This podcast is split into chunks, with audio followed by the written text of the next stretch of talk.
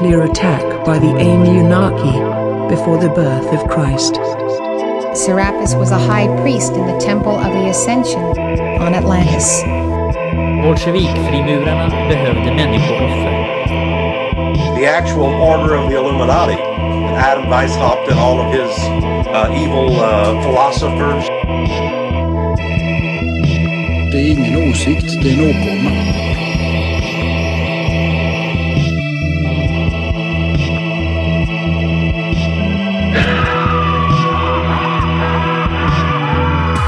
Välkomna till Dolda fakta, podden som etablissemanget inte vill att du ska höra, där vi djupdyker i dold och möjligtvis gömd kunskap. Jag heter Senaida R bindestreck va och med mig så har jag, Ja, jag heter Ellington. ja då kör vi då.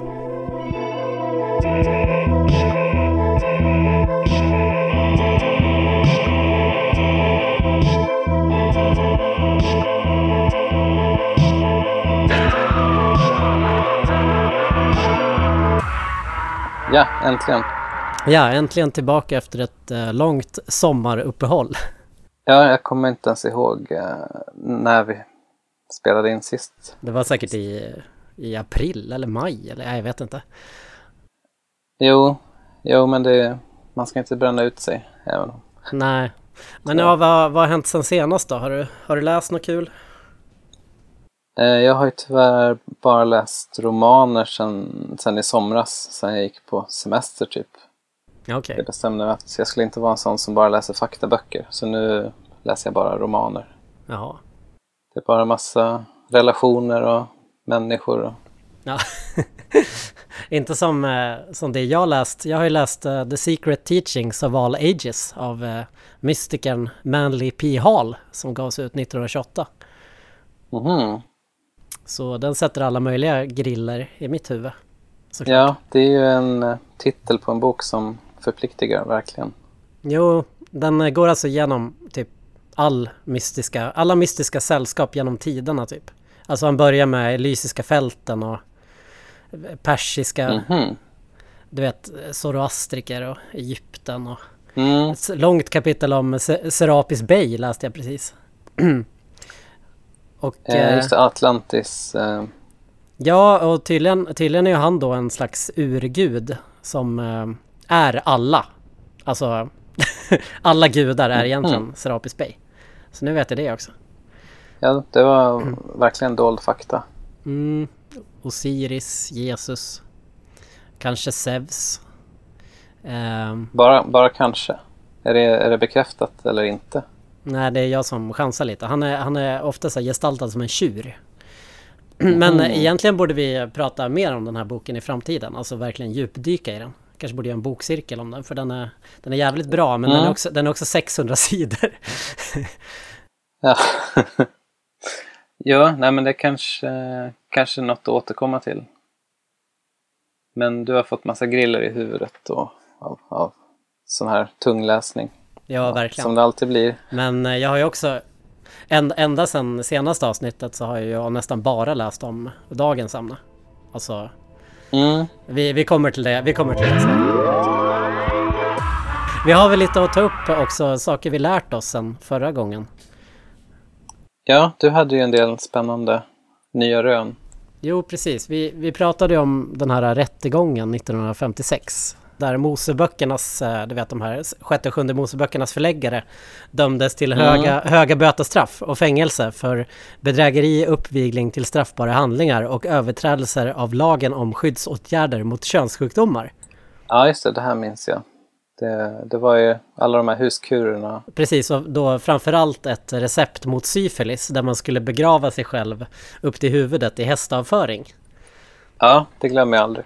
Och eh, det här då, det, var, det, det känns som att... Eh, jag läste om olika grekiska filosofer som, eh, som dött på lustiga sätt. kommer, kommer nu hela listan? Jo, precis. Lista. Lista.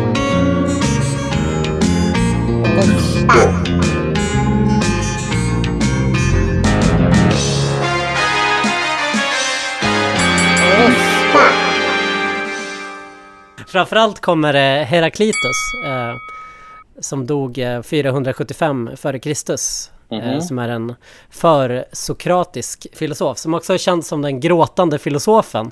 Mhm. Han brukade drabbas av melankoli alltid så att han gjorde aldrig klart sina verk för att han, han liksom kände att det inte var någon mening kanske. Ja, Han, han, han, han klädde sig också i svart ofta och brukade med, medvetet göra sig själv svårförstådd och kallades därför också för gåtan. Cicero kallade, Ja. honom också, kallade honom också för den obskyre eller the dark one. Jaha, jag visste inte att han pratade engelska, Cicero. Nej, det, det kanske inte så känt. I alla fall den här historien jag läste då, det var att han blev eh, misantrop till slut såklart och började vandra runt i bergen. Mm. Eh, och så åt han gräs och örter, vilket gjorde att han fick vattusot. Okej. Alltså att det liksom samlas vatten i kroppen. Stora så vattenansamlingar. Jag vet inte hur det ser ut, men det låter ju olustigt. Ja, jag tänker att man får så här falukorvsfingrar. Mm, precis, man blir så uppsvullen. Ja, Mm, och han ska då ha gått till den, tiden dok- den tidens doktorer som misslyckats att bota honom. mhm. Och eh, då tänkte att han ska bota sig själv. ja, jo, men det kan man ju för, förstå. Lärd som han var så kom han på att hetta kanske skulle göra att vattnet försvann. Så därför begravde han sig i kodynga. Ja, Men då finns det då lite olika historier om vad som hände. Ehm, En säger att han dog då han krossades av dyngans tyngd. Det var så, det var så mycket, mycket avföring att han, att han dog av tyngden. Eh, ja, En, en, annan, en annan källa säger att han eh, efter att ha smetat in sig i kodyngan ska han ha lagt sig i solen. Var på solen då gjorde att den, den här dyngan stelnade så att han inte kunde röra sig. Och sen kom förstås ett gäng vilda hundar och eh, åt upp honom. ja, självklart. Det verkar faktiskt vara ett, så här, ett samhällsproblem på den här tiden. Det, det verkar så här stryka runt eh, vilda hundar. Mm. Det, det här kommer vi till senare också, men visst påminner det väldigt mycket om det här att man ska bota syfilis genom att begrava sig i hästavföring? Jo, verkligen. Vilken av versionerna önskar du skulle vara den sanna av de här? Helt klart den med hundarna tror jag. Ja, Den är så jävla mörk. Men, men vet du, när jag höll på att googla det här med att eh, begravelse i avföring, Ja, det är en intressant googling. mm, då dök också profeten Hesekiel upp. Eh, Mhm. Det här, det här kanske är långsökt, men eh, tydligen så, så... eh, Jag vet inte varför, men Gud sa åt honom att han, att han skulle äta bröd som var bakad på män, människoavföring. Som en prövning kanske, jag vet inte. Jaha, är det, är det här från Bibeln eller från... Ja, det här är från eh, Hesek- Hesekiel eh, 4 kolon 9, 15 faktiskt. Jaha, Eh, och, men då ska liksom Hesekiel bara, nej jag kan inte äta, äta bröd bakad på avföring, eller människoavföring. Och så ska han fråga om han kunde använda kodynga istället. Och så gjorde han det. som en gyllene medelväg. Precis. Och det gick Gud med på då. Och eh, ja, man kan, skulle kunna göra en koppling här mot hästavföringen till eh, eh, Heraklit, Heraklitus eh, kodynga. Som Mm. det här bi, bibelstycket då. Jo, absolut. Om jag förstod det rätt då så tyckte Gud att den här, att man skulle använda människoavföring för att, jag vet inte, så elda med. Är det någon slags metod man har använt historiskt för att, brukar man använda avföring som ved? Eller liksom? Eh, ja, det har man väl absolut gjort, men då har det väl varit djur. Typ kor och sånt. Okej. Jag vet inte, människa vet jag inte. Ja, jag, inte, jag, vet, jag vet inte om det här stämmer men kanske kan de här olika eh, historierna inspirerat varandra. Ja, det är mycket möjligt. Men eh, vet du hur det slutade för hon Hesekiel? Hur, hur slutade det där? Vet du det? Eh, nej, det vet jag inte. men det är väl bara att gå till Bibeln då och läsa så får man säkert Ja, reda på det.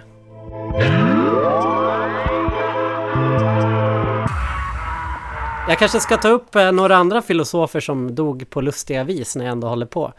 Eh, Ja, absolut. måste också tacka vår lyssnare Gustav för att han, han fick in mig på det här. Mm. Också, också Daniel som eh, tipsade om alla de här roliga historierna om filosofer som, som, som dött. Eh, Det, det finns till exempel Em- Empedokles. Han dog eh, för att han hoppade ner i en vulkan.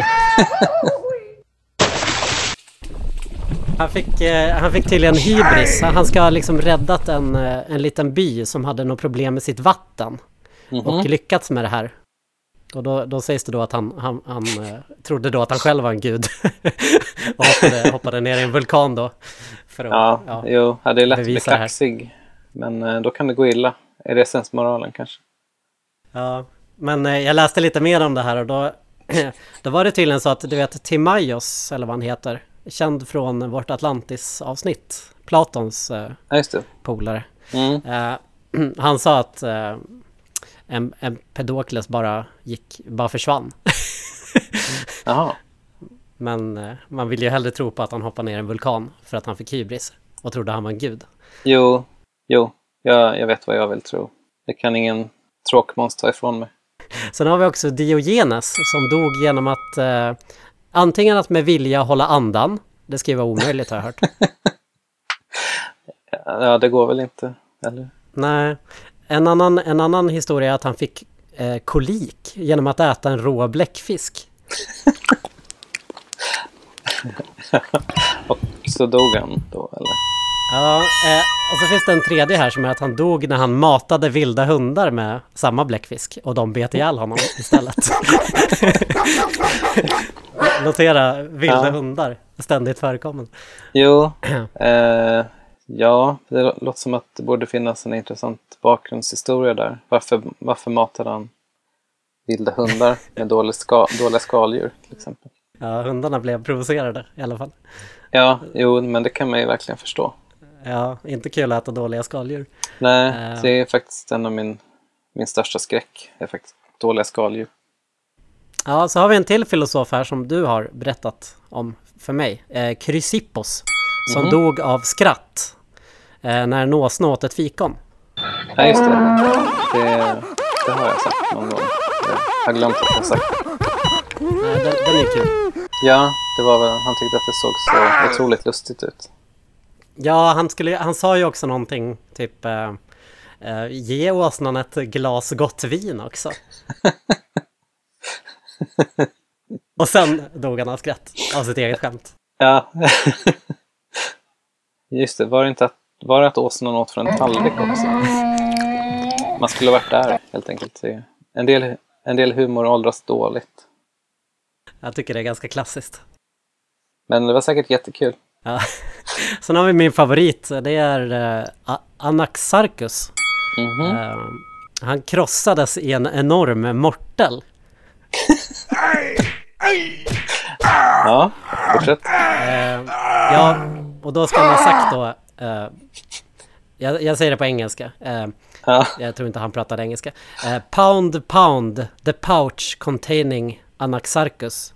Ye pound not Anaxarchus. Alltså, du vet, krossa, krossa skalet som innehåller Anaxarchus själ då kanske. Men Ja, det kommer inte men- krossa liksom essensen av mig. Det var, han, han kom i onåd hos någon, mhm. någon eh, fiende där som... Någon, vadå, typ någon kalanka skurk så. Precis. Som hade då förberett den här enorma morteln där han krossade Anarchus. Men, i- men inte, inte Anarchus själ utan bara skalet, eller du vet. Han kanske inte var så smart om han blev osams med någon med en enorm mortel. Nej. Ja, uppfinningsrikt ändå. Ja, det kan man ju, man kan ju debattera i och för sig om han hade rätt eller inte. Man skulle kunna tänka att hans själ, ja, det beror på hur man ser själen i och för sig. Men eh, han, han är nog död. det, eh, det, det kan vi ju då lämna till lyssnaren. Beroende på vad lyssnaren har för liksom, religiös åskådning. Om Jo. Anaxarchus har levt vidare i en ny Jo, kropp. absolut. eller form eller Vi, vi vill ju inte skriva någon på näsan så. Utan... Nej, precis. Men just det, men hur var det med den här, har vi pratat om han som fick en sköldpadda i huvudet? Och dog. Nej, nej, nej just det. Nej, det var ju, det var ju ingen filosof, det var ju uh, Aeschylus. Just, ja, just det. Pjäs... Uh, dramatikern. Ja, tragikförfattaren. Vilket gör det, enda, det hela ännu roligare ju. Ja, men han hade nog kunnat skratta åt det själv om han hade. Ja. Historien är alltså att en örn, alltså örnar brukar tydligen eh, fånga sköldpaddor, lyfta upp dem i luften, sen släppa dem på stenar så att eh, skalet spricker så att de sen kan gå loss på innehållet. Mm. Och eh, då, ha, då hade en örn fångat en sköldpadda, flygit runt med den, sett eh, Aiskylos eh, skalliga huvud och trott att det är en sten. Varpå den släppt sköldpaddan i huvudet på Aiskylos som dött. Ja. Aiskylos ska förresten, han ska förresten ha fått så en, en profetia sagd om sig själv att, att han ska dö genom en, en smäll liksom från himlen. Och därför ska han då sällan vistas, vistats under tak och gärna varit i liksom öppna landskap. Så det är ju ännu Mhm. mer ironiskt då att, att det här var sättet han dog. ja, det var en, eh, verkligen en utsökt ironi. En eh, fotnot till det hela är ju att jag läste i någon bok att eh, möjligtvis är- var det här på grund av trolldom. För att eh, Aeschylus ska ha avslöjat hemliga riter från eh, det antika mystiska sällskapet. Uh, just det, var, var det mysteriekulterna? Eller? Just det, det Elysiska fältets mysteriekulter.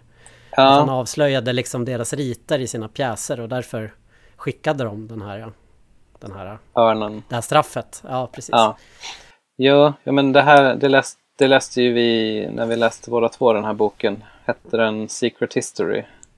ja just det. Den där även stod att penis var en växt från början på människan. Precis. Så. Också en bra segway till dagens avsnitt som kommer handla om eh, teo teosofins grundare, Madame Blavatsky. Ja, just det. Där har ju du, du har ju gått loss på det här nu. Läst, läst på ordentligt har jag förstått.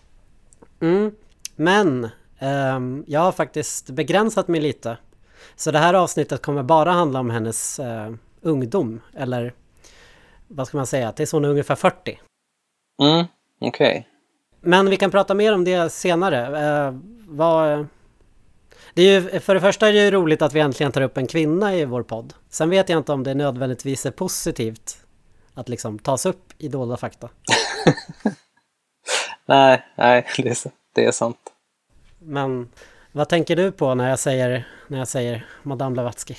Eh, ja, jag tänker på ja, bluff och båg. Alltså, Jag läste ju den här boken Madame Blavatskys baboon. Som handlade om eh, teosofin och ja, det var ju bara massa fusk. Hemliga lönndörrar, he- brev som kom från lönndörrar och ja, seanser och ja, massa trams. Det är ju ena sidan av Blavatsky. Så finns det ju också folk som ser henne som eh, en ganska originell och, jag vet inte, spännande äventyrare och filosof. Mm. Det är just det, hela tiden de här olika sidorna man eh, får tampas med när man läser om henne. Ja, Jag tycker i alla fall att eh, hon är otroligt färggrann och framförallt underhållande. Till och med i hennes samtidsmått då. Alltså att hon sticker ut till och med bland alla andra tokiga 1800-talsmänniskor som du vet gärna reste runt i hela världen och höll på. jo men det får man, det får man absolut ge henne. Ja, man kan väl säga att historien inte har varit särskilt nådig mot henne.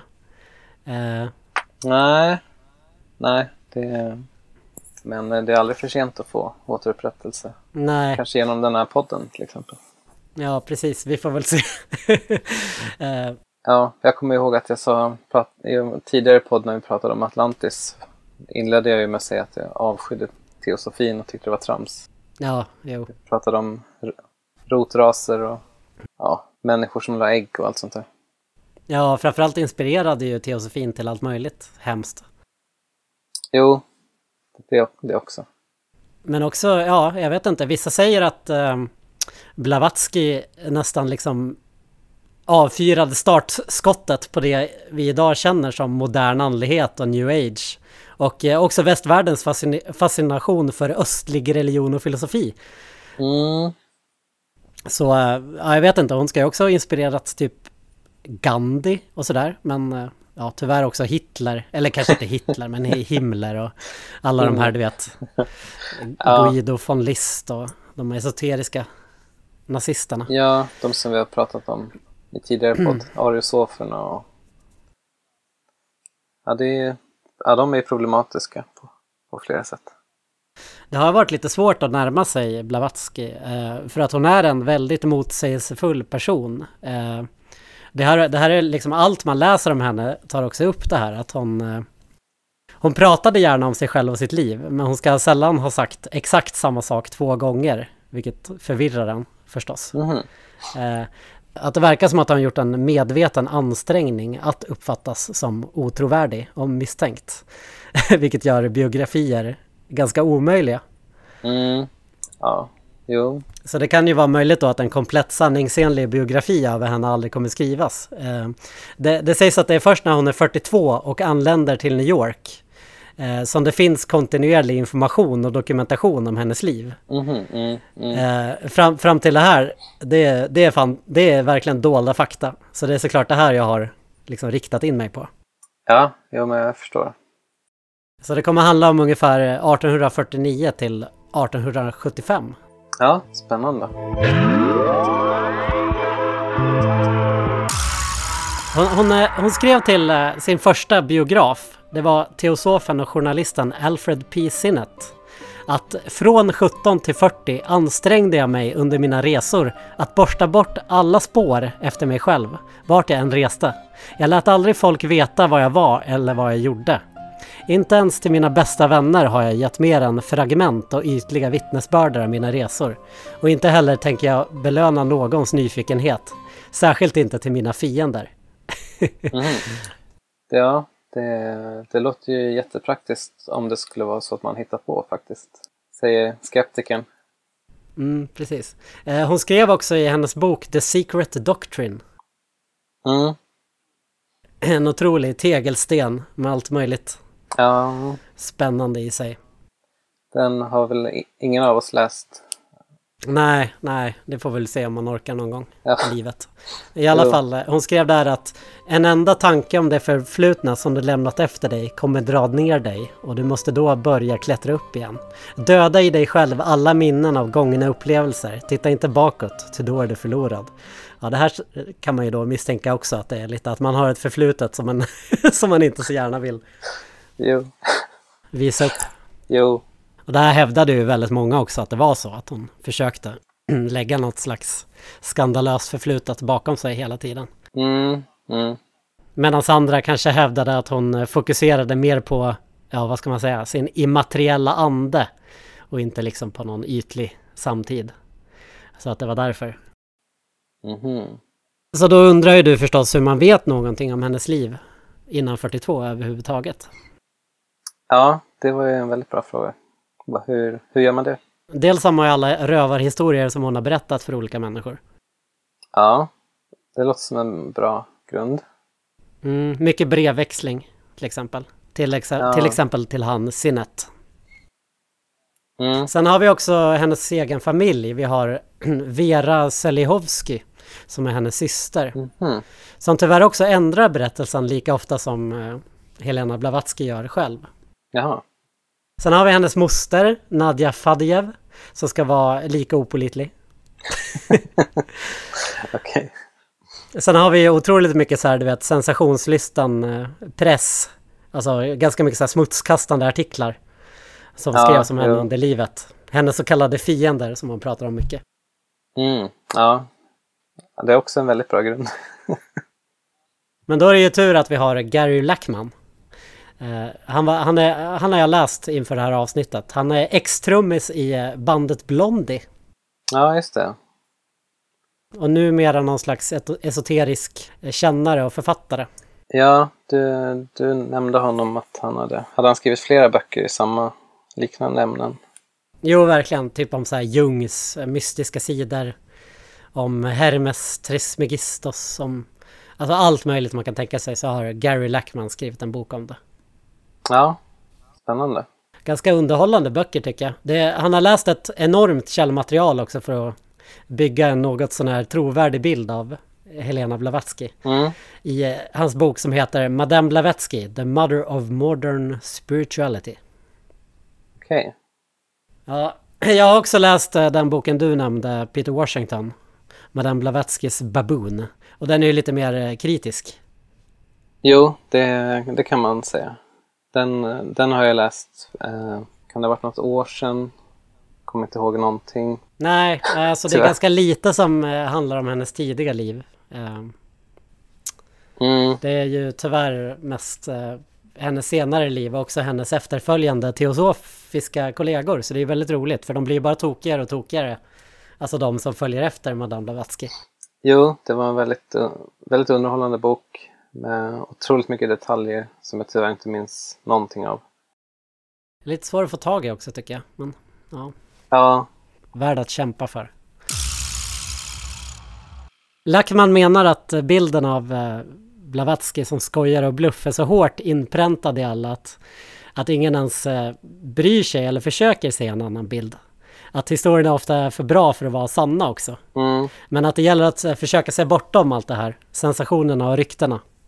Från en Mhm. samtid då som tyckte hon var extremt suspekt. Och att han, han tycker att idag då, om man läser med dagens ögon så kan hon mer uppfattas som mycket progressiv. Så man får ju direkt en känsla av att Lackman vill Mm. tro eh, Jo. Han tar också upp eh, författaren Colin Wilson som säger att frågan om hon var en bluff måste man lämna öppen. Hon var antagligen både genuin och bluff på samma gång. Dock blev hon till skillnad från många andra messiasfigurer i historien aldrig paranoid och behöll hela tiden sin humor. ja, det kanske man får ge henne ändå. Ja, det ligger nog nära min slutsats om henne. Efter Mm. allt jag läst. Okej. Att hon är, jäkla, han, hon är jäkligt rolig och hon är säkert genuin i vissa saker. Men hon är uppenbarligen också liksom en, eh, vad ska man säga, helt otrolig bluffmakare. I så här kalanka mått Jo. Ja, men Colin Wilson, han är, han är också intressant. Han har ju skrivit alla möjliga böcker. Ja, jätteintressant faktiskt. Borde vi läsa mer av. Jo, det, det kommer vi säkert göra. Jag har, tror jag har två av hans böcker hemma i bokhyllan som jag inte har läst. Ja, okej. Eh, Men han verkar ha skrivit om allt. Men då undrar ju du förstås, hur blev Helena Blavatsky kvinnan som skickades på uppdrag runt hela världen av mystiska uråldriga mästare från öst? De, de ville ju då att hon skulle locka fram en ny andlighet till en civilisation som var hopplöst förlorad i det rationella och materiella. Och sen skrev hon också de här uh, omöjliga tegelstenarna, Isis Unveiled och The Secret Doctrine. Mm. Som, som är ganska svåra att undvika bara man läser om lite allmän hokus pokus. Jo, eh, Gary Lackman säger att det finns åtminstone tre versioner av henne. Och det, det är dels då den encyklopediska. Och då framstår hon ofta som en färgsprakande bohem som förde många intelligenta kvinnor och män bakom ljuset men till slut avslöjades som en råbarkad, svärande, överviktig, kedjerökande charlatan. Det här skrev ju också eh, Peter Washington, om när han beskrev hur Blavatsky såg ut. Eh, Han Mm. skrev A short, stout, forceful woman with strong arms, several chins, unruly hair, a determined mouth and large liquid slightly bulging eyes. Uh, she had distinctive azure-colored eyes and was overweight throughout her life. Skrev eh, Marion Mead också, en annan Blavatsky-kritisk biograf. mhm, okej. Eller jag tror att Marion Mead sa att hennes general appearance was outrageously untidy. Ja, det låter bohemiskt i Mm. alla fall. Och också kanske progressivt på den tiden när en kvinna skulle vara väldigt prydlig och eh, serva sin man liksom. Jo, jo, jo, absolut. Alltså vi har den, den här ency- encyklopediska bilden, vi har också den pro-blavatskiska. Mm. Då eh, beskrivs hon ofta som en slags helgonlik guru. Som fast följde sitt öde och sin tro och därför lockade till sig mängder av följare men också fiender förstås. Men förändrade historien på vägen. Mhm. Ja, och sen har vi då den Blavatsky som kommer fram i Gary Lackmans bok då. Som är lite mer, mer båda sidor kanske. Ja, okej. Eh, han, han har faktiskt ganska roliga så här, eh, jämförelser med henne. Han pratar om eh, de så kallade dårar i Kristus. Vet du vad det är? Nej, det är ingen aning. Vad är det? Det är ett slags eh, det är så, här, ryska häcklar och vandrarmunkar eh, som eh, med mening går emot olika konventioner i samhället. Och eh, ofta så här Mhm. ganska tokigt klädda och irriterande och provocerande med mening. Så här, går runt och häcklar folk. Okej, men är det här som han Rasputin? Var han en, var han en sån? Eh, lite kanske, men eh, han, han liksom säger att Blavatsky går ganska bra ihop med till exempel de här eh, dårar i Kristus då. Som Mm. eh, liksom medvetet framställde sig själva som helt tokiga. Som ingen skulle veta att de egentligen är heliga profeter och siare. Aha, lurigt. Och eh, Rasputin var väl någon slags vandrarmunk också. Jo, Och eh, Blavatsky reste ju också otroligt mycket. Och är ju, har ju ryskt påbrå. just det. Att han liksom är en, en religiös tänkare i den traditionen då. Det låter ju rimligt. Absolut. Och som jag var inne på tidigare så är ju 1800-talet otroligt färgsprakande. Mm. Ja, så jag har skrivit en liten inledning här. Ja, spännande. Följ med till en svunnen värld där spiritister, hemliga sällskap och skojare finns runt varje hörn. Där alla som är något pendlar mellan Kairo, Paris, Sankt Petersburg och Istanbul för att delta i seanser och mingla med sufi-mystiker, prinsar, generalkonsulbaroner och mästare. Där det står en illsinnad jesuit gömd bakom varje krukväxt och där den materiella rationella vetenskapen fortfarande hade hård konkurrens av esoteriska och mystiska läror. Wow. Helena Petrovna von Hahn, hon föddes 12 augusti 1831 i Ak- Ekaterinoslav i eh, nuvarande Ukraina som då tillhörde Ryssland. Okej. Hon föddes mitt i en koleraepidemi där folk dog som flugor.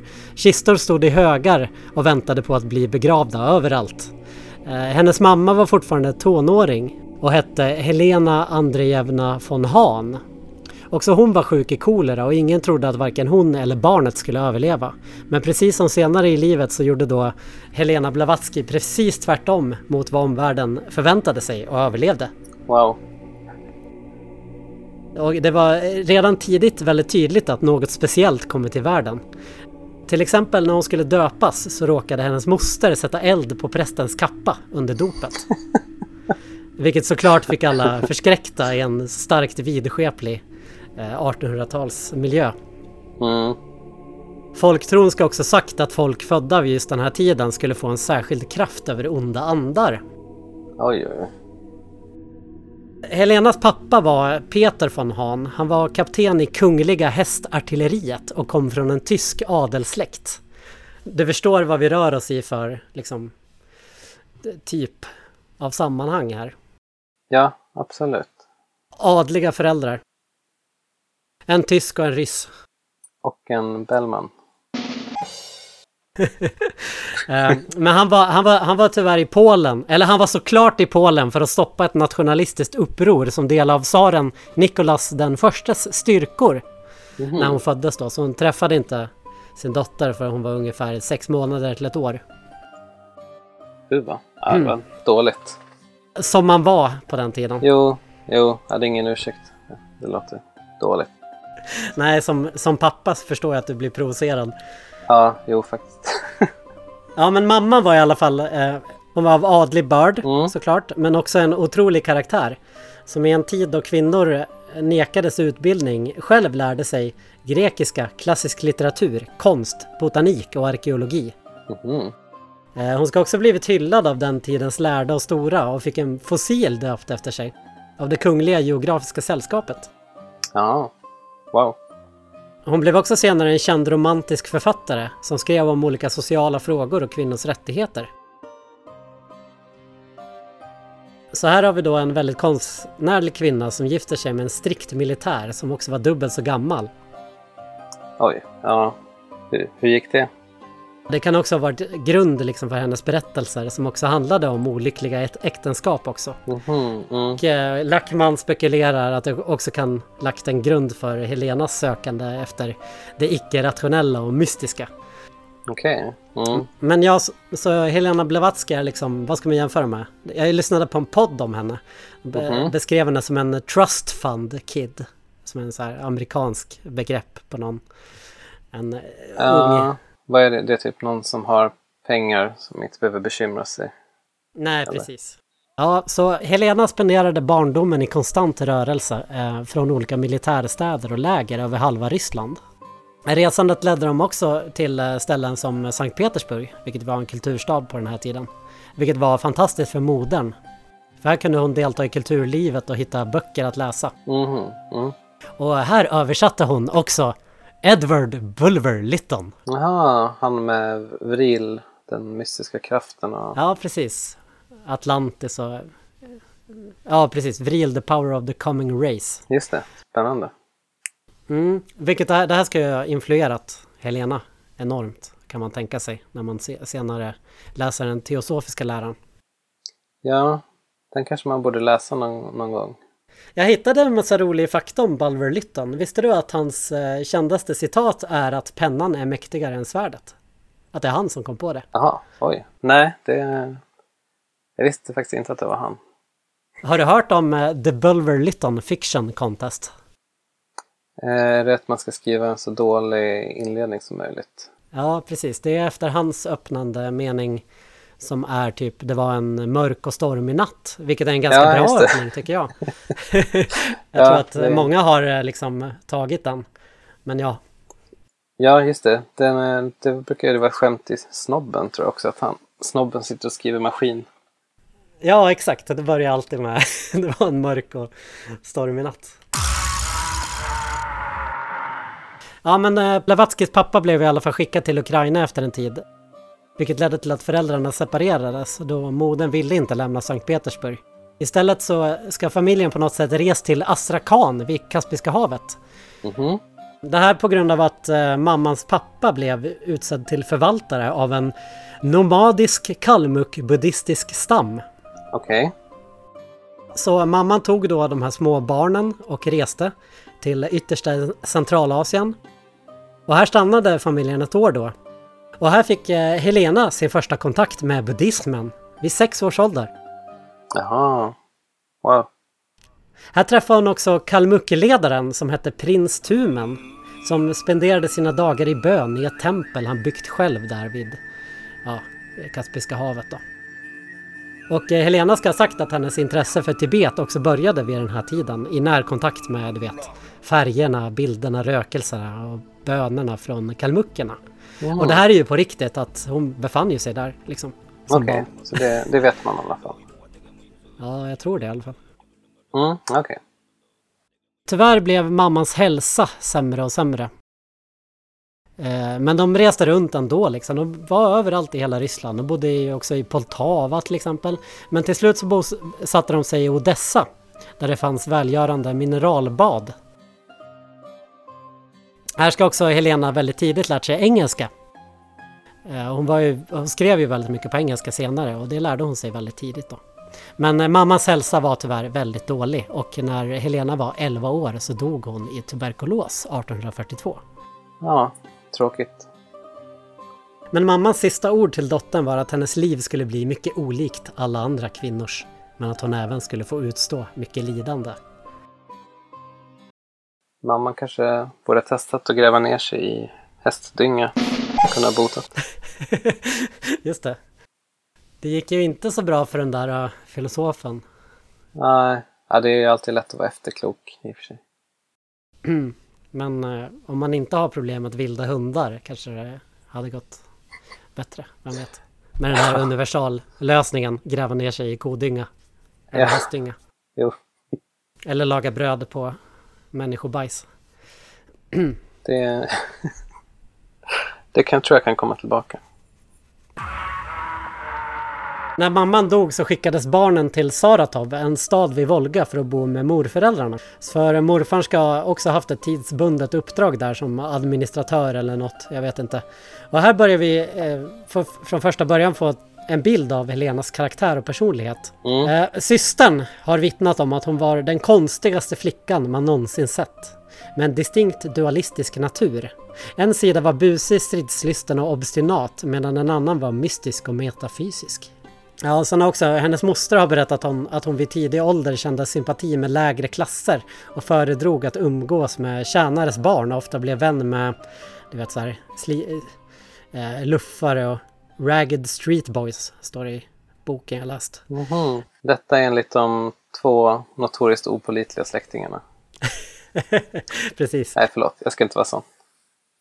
Hon älskade hyss men var också uppslukad av böcker och hade en otrolig förmåga att fantisera och säga vad hon tyckte om folk väldigt direkt och skamlöst. Mhm. Det här går ju vidare sen i resten av hennes liv också. Mm. Enligt eh, mostern då så var morföräldrarnas hus väldigt gammalt och enormt och fyllt av underjordiska tunnlar. Länge sedan övergivna passager och torn och mängder av konstiga hörn och skrymslen. Wow. Eh, Det ska, det ska ha påmint om en ruin av ett medeltida slott. Och eh, det sa, sades också att en tidigare ägare skulle spärrat in olydiga tjänare i källaren. Mhm. Helena var aldrig rädd och brukade springa runt och gömma sig för sina lärare. Men man kunde också hitta henne i källarna, gåendes som i sömnen, pratandes eller lekandes med osynliga personer. Wow. Precis ett sånt barn som man vill ha. hon, hon brukade kalla de här osynliga personerna för eh, puckelryggar. Uh. Ja, det, det låter riktigt otäckt. Ja, usch. Tack. Hon berättade också spökhistorier för de andra barnen och skrämde upp både sig själv och de andra. Eh, något otroligt. Hon eh, gillade också att komma på otroliga berättelser om sitt eget liv och sig själv. Tänka sig. Ja, vem hade anat? Men hon ska också ha haft underliga förmågor. Till exempel kunde hon söva duvor genom solomonsk visdom. Okej. Det här står alltså i Lackmans bok. Mm. Jag minns inte om det var någon fotnot på just den. Den här meningen om att söva duvor med solomonsk visdom. Men med vad vi vet Är det här som Mose... Är det här som de här sjätte och sjunde Mosebok, tror eller? Precis, det är ju exakt som det. Så kan man ju tänka sig att söva duvor också är något man kan göra. Säkert. Vad skulle du gjort om det var di- ditt barn? Som, Du som har gör- inte märkt, du har, du har inte märkt något sånt här? Eh, nej, inte än. Men jag tror... tror sånt kommer lite senare kanske. Jo, det var väl eh, sexårsåldern som Ja, började för Blavatsky då. Så du får hålla utkik. ja jag kommer hålla utkik. Precis.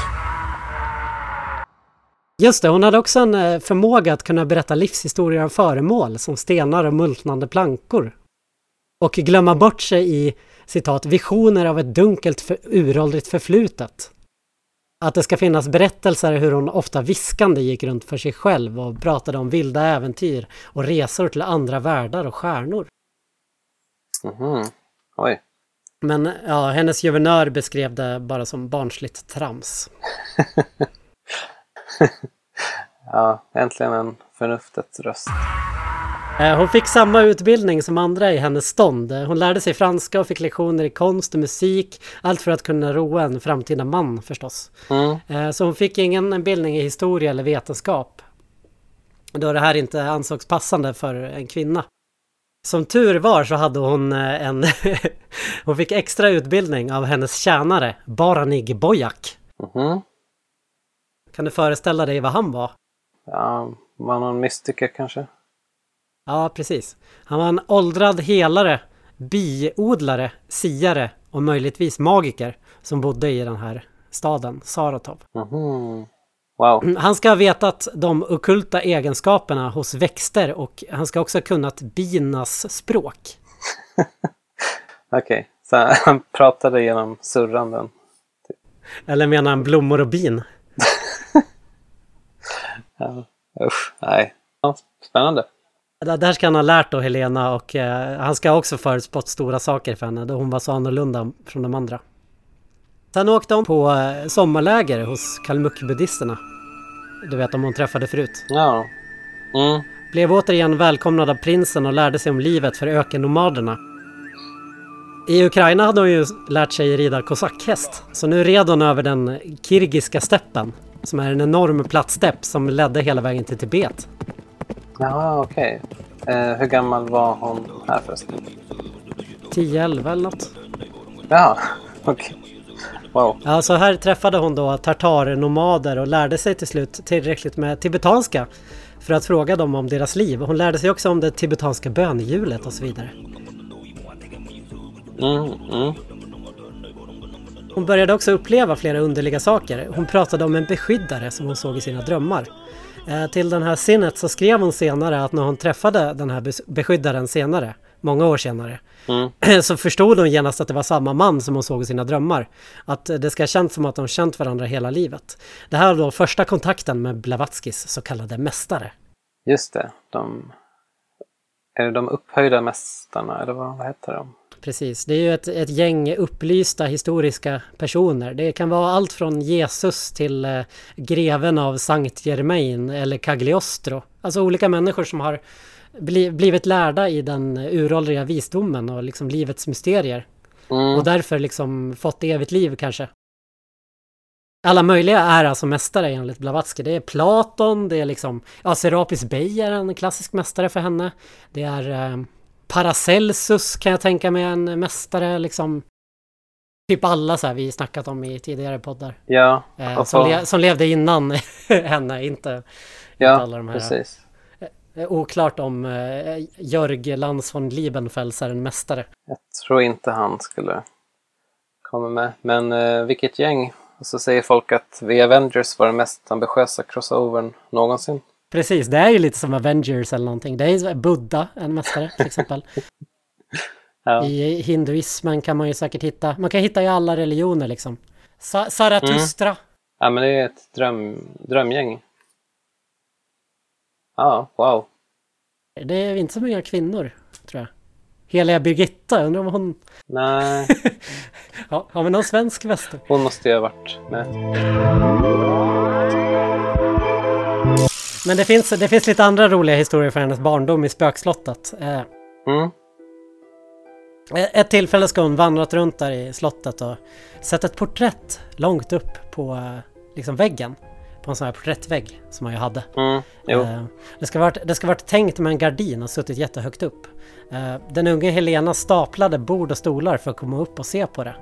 När hon drog undan gardinen från porträttet måste hon blivit väldigt chockad för i nästa stund så vaknade hon upp på golvet. Alla möbler var tillbakaställda. Eh, Hon undrade såklart om hon hade drömt allt. Mm. då såg hon ett tydligt handavtryck långt upp på den dammiga väggen. Wow. Ja, en annan gång när hon red kosackhäst i galopp över steppen. Då ska hon ha då fastnat med foten eh, på något vis och slängts av hästen mot en säker död så fort hennes huvud då skulle träffa marken. Dock ska det ha varit som att en osynlig kraft höll upp hennes huvud tills hästen kunde stoppas. Eh, hon sa senare att det var en lång indisk man klädd i linne som hade räddat henne. Samma man som i hennes drömmar. Mhm.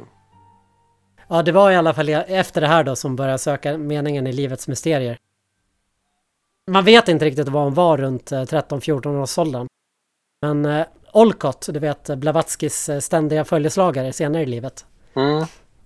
Olcott var ju någon slags typ eh, rik amerikan som till exempel ska ha varit med och utrett Abraham Lincolns, mordet på Abraham Lincoln och sådär. Men sen gått in i det ockulta Jaha, och eh, okej. liksom följt Blavatsky överallt.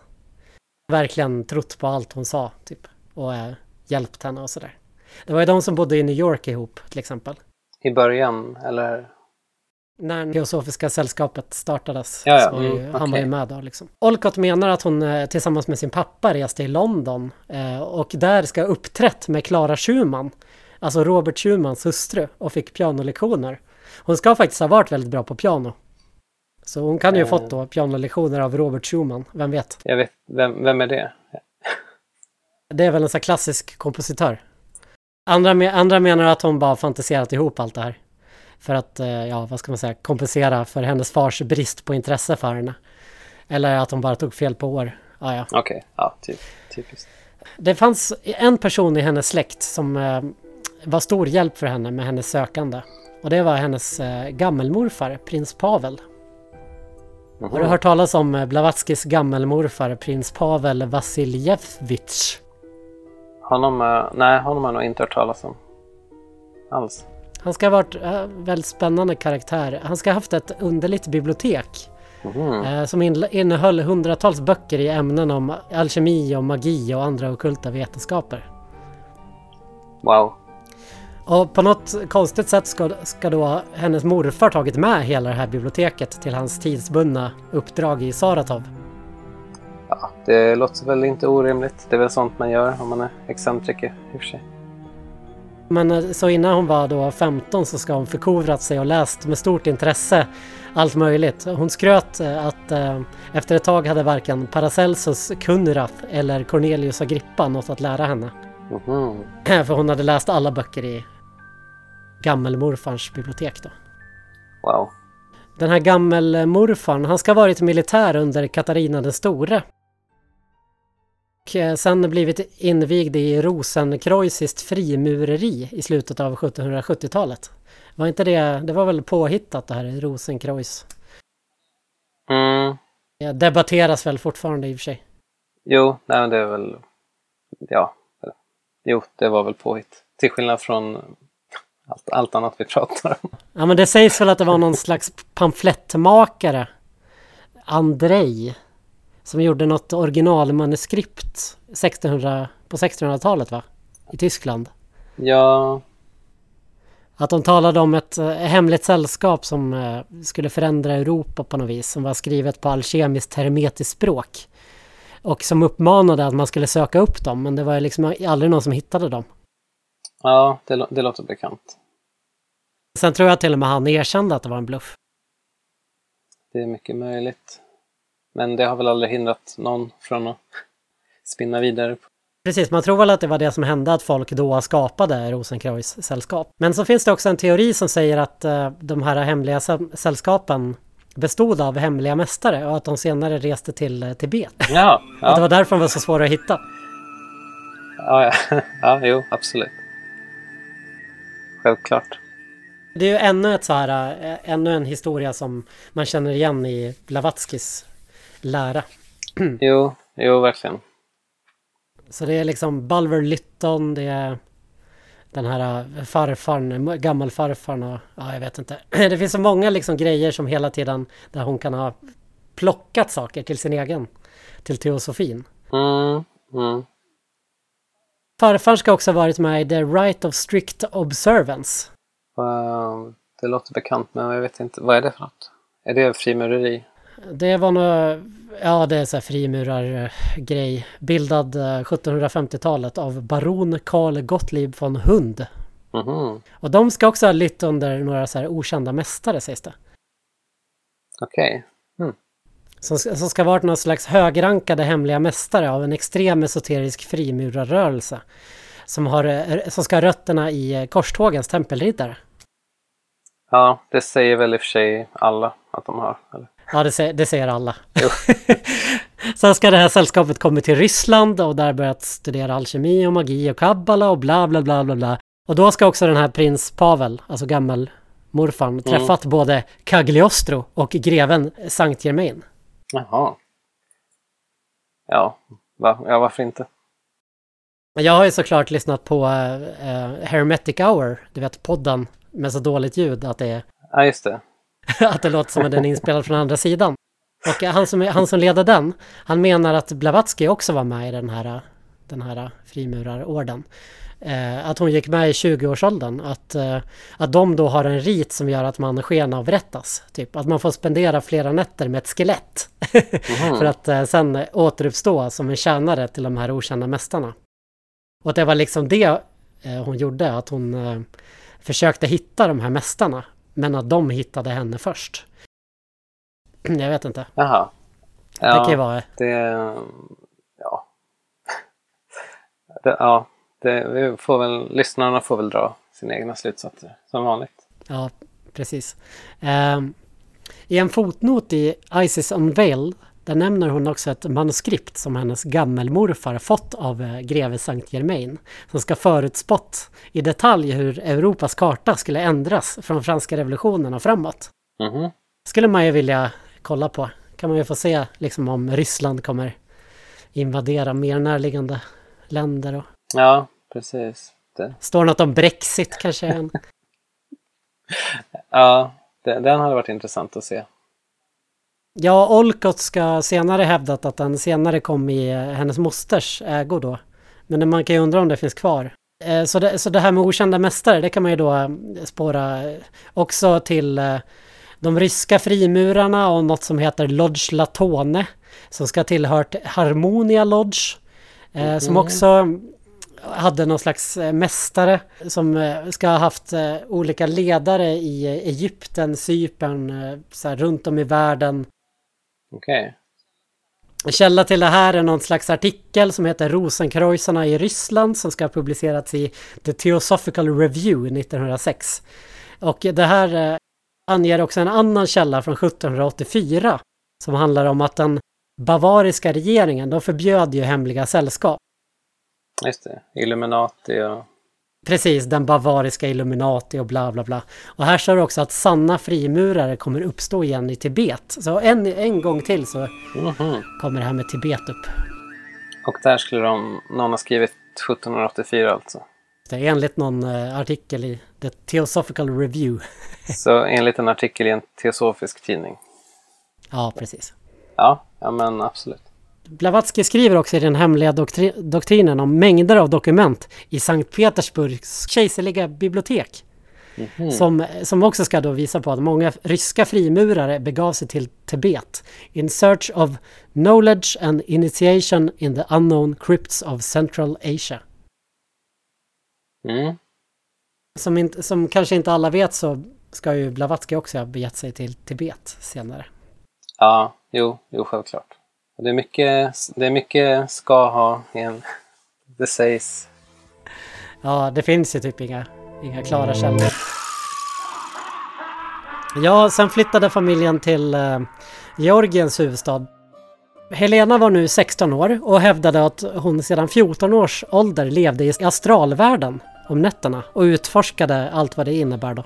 Eh, Madame Jermolov som var fru till guvernören av eh, Tbilisi. Hon ska ha vittnat om att eh, Helena var en intelligent, rolig och förtjusande ung dam. Okej. Men sen efter att hon ble, blev mer insyltad i gammelmorfars kunskap så slutade hon gå på fest och socialisera. Istället började hon hänga med prins Alexander Golitsyn. Som var någon slags, eh, du vet, mystiker. Prins. Okej.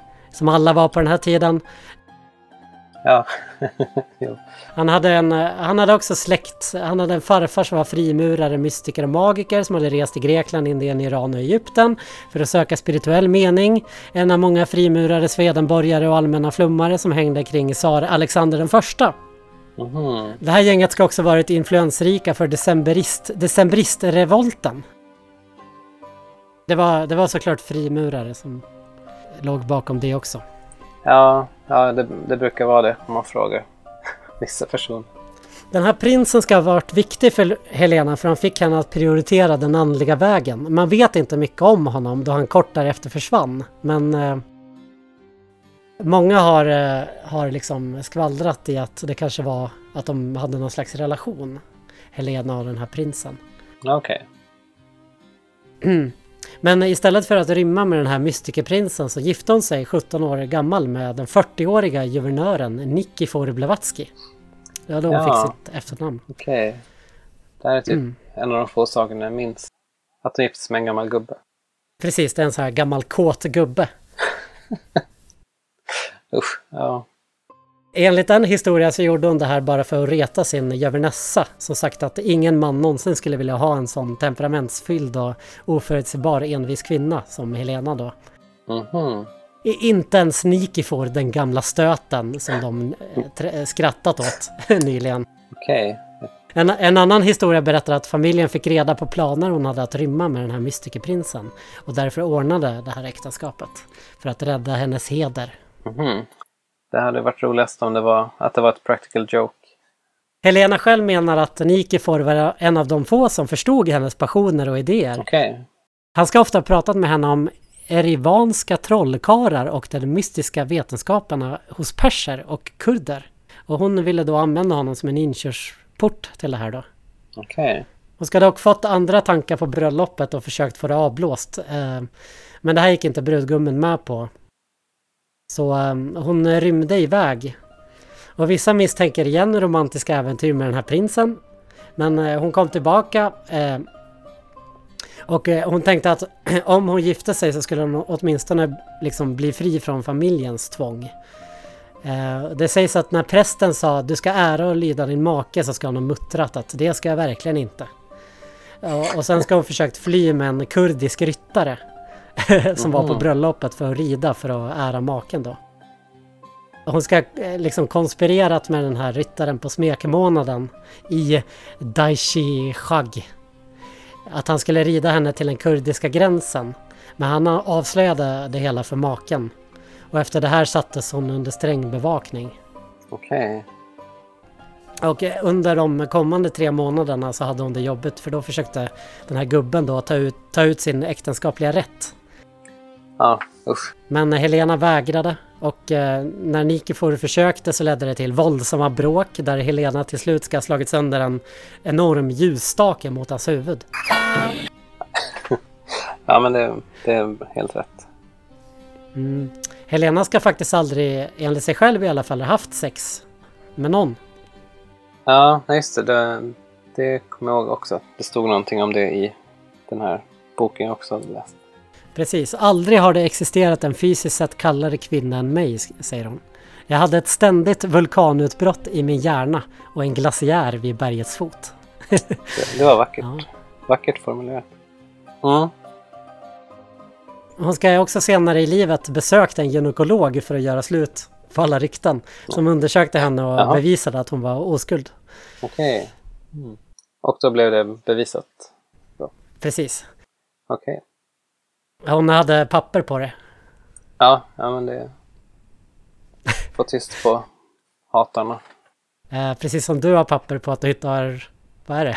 vad är det du har papper på? Eh, jag tänkte ha Asperger, Nej, just det. Ja. faktiskt. Som du Men, likt, eh, likt Blavatsky drar upp om någon ifrågasätter. Ja, men det spelar ingen roll med de här papperna för det är ingen som tror på det. Fast det är på papper. Ja, just det. Eh, Jag tror dig. Ja, okej. Ja, men tänk, tänk vad otroligt. Hon bor där i ett palats i Sardar. Som var ett hem för eh, territoriets tidigare turkiska härskare. Med utsikt över berget Ararat. ja den, där, där man... Där Noaks ark eh, strandade, eller? Precis. Mm. Och här satt hon då och planerade sin flykt mellan att Nikifor försökte ta ut sin rätt. Usch. Ja. Till slut, till slut efter att hon slog den här uh, ljusstaken i huvudet på honom kanske så tog han ner garden lite. Och hon lyckades faktiskt fly från honom. Mm. Mm. Hon flydde till uh, Tbilisi ensam då. Ehm, Mm. och där svor hon att hon hellre skulle dö än att återvända. Eh, familjen beslöt att skicka henne till fadern i Sankt Petersburg. Men hon hade andra planer som vanligt. Eh, de skulle mötas i Odessa. Men på vägen dit så missade hon med flit ångbåten över Svarta havet. Och lyckades övertala då en engelsk kapten att ta henne mot Istanbul istället. På ön Kerch i Azovhavet gick hon med tjänarna i land för att fortsätta till Odessa men seglade istället själv vidare om natten utklädd till kabinpojke. För att inte bli tagen av hamnpolisen Wow. eh, som också kom och letade efter henne för de kom väl på att hon flyttade. Tyvärr handlade hon i trubbel med kaptenen, oklart varför. Ja, Så när de kom till eh, Bosporen så flydde hon i land med en fiskebåt. det kanske var som... Eh, kanske var som Evert Taube som hade med sig en apa ombord som slog sönder allt. Kaptenens finporslin. ja just det, det är fan den bästa historien om Evert Taube. Lite bonusmaterial. En, en anekdot om Evert Taube. Precis. Ja, och nu börjar ju resåren då. På riktigt. När Helena flyr från familjen. Ja, hur, gam hur gammal är hon nu, sa du ungefär? Hon är väl 17-18? Okej. Okay. Mm. Eh, jag, eh, Lackman han säger att uh, han jämför den här perioden med romaner av typ Alexander Dumas och Jules Verne och sådär. Uh, att, att, att hennes resor mm. skulle till och med imponera på karaktärerna i de här böckerna. Oj. Ja, och mer om Madame Blavatskys alla möjliga och omöjliga resor får ni reda på i nästa avsnitt av Dolda fakta. Tills dess, eh, följ oss gärna på Instagram, Facebook eller på Tumblr där vi lägger upp lite allt möjligt kul. Men eh, mest eh, är vi nog aktiva på Instagram nu för tiden. Maila oss gärna också om ni har något önskemål eller synpunkt eller egna dolda fakta vi borde ta upp. Eh, doldafakta.gmail.com är eh, vår adress. Ha det så bra! Det är en hund begraven. Hund begraven. Hund begraven. Hund begraven.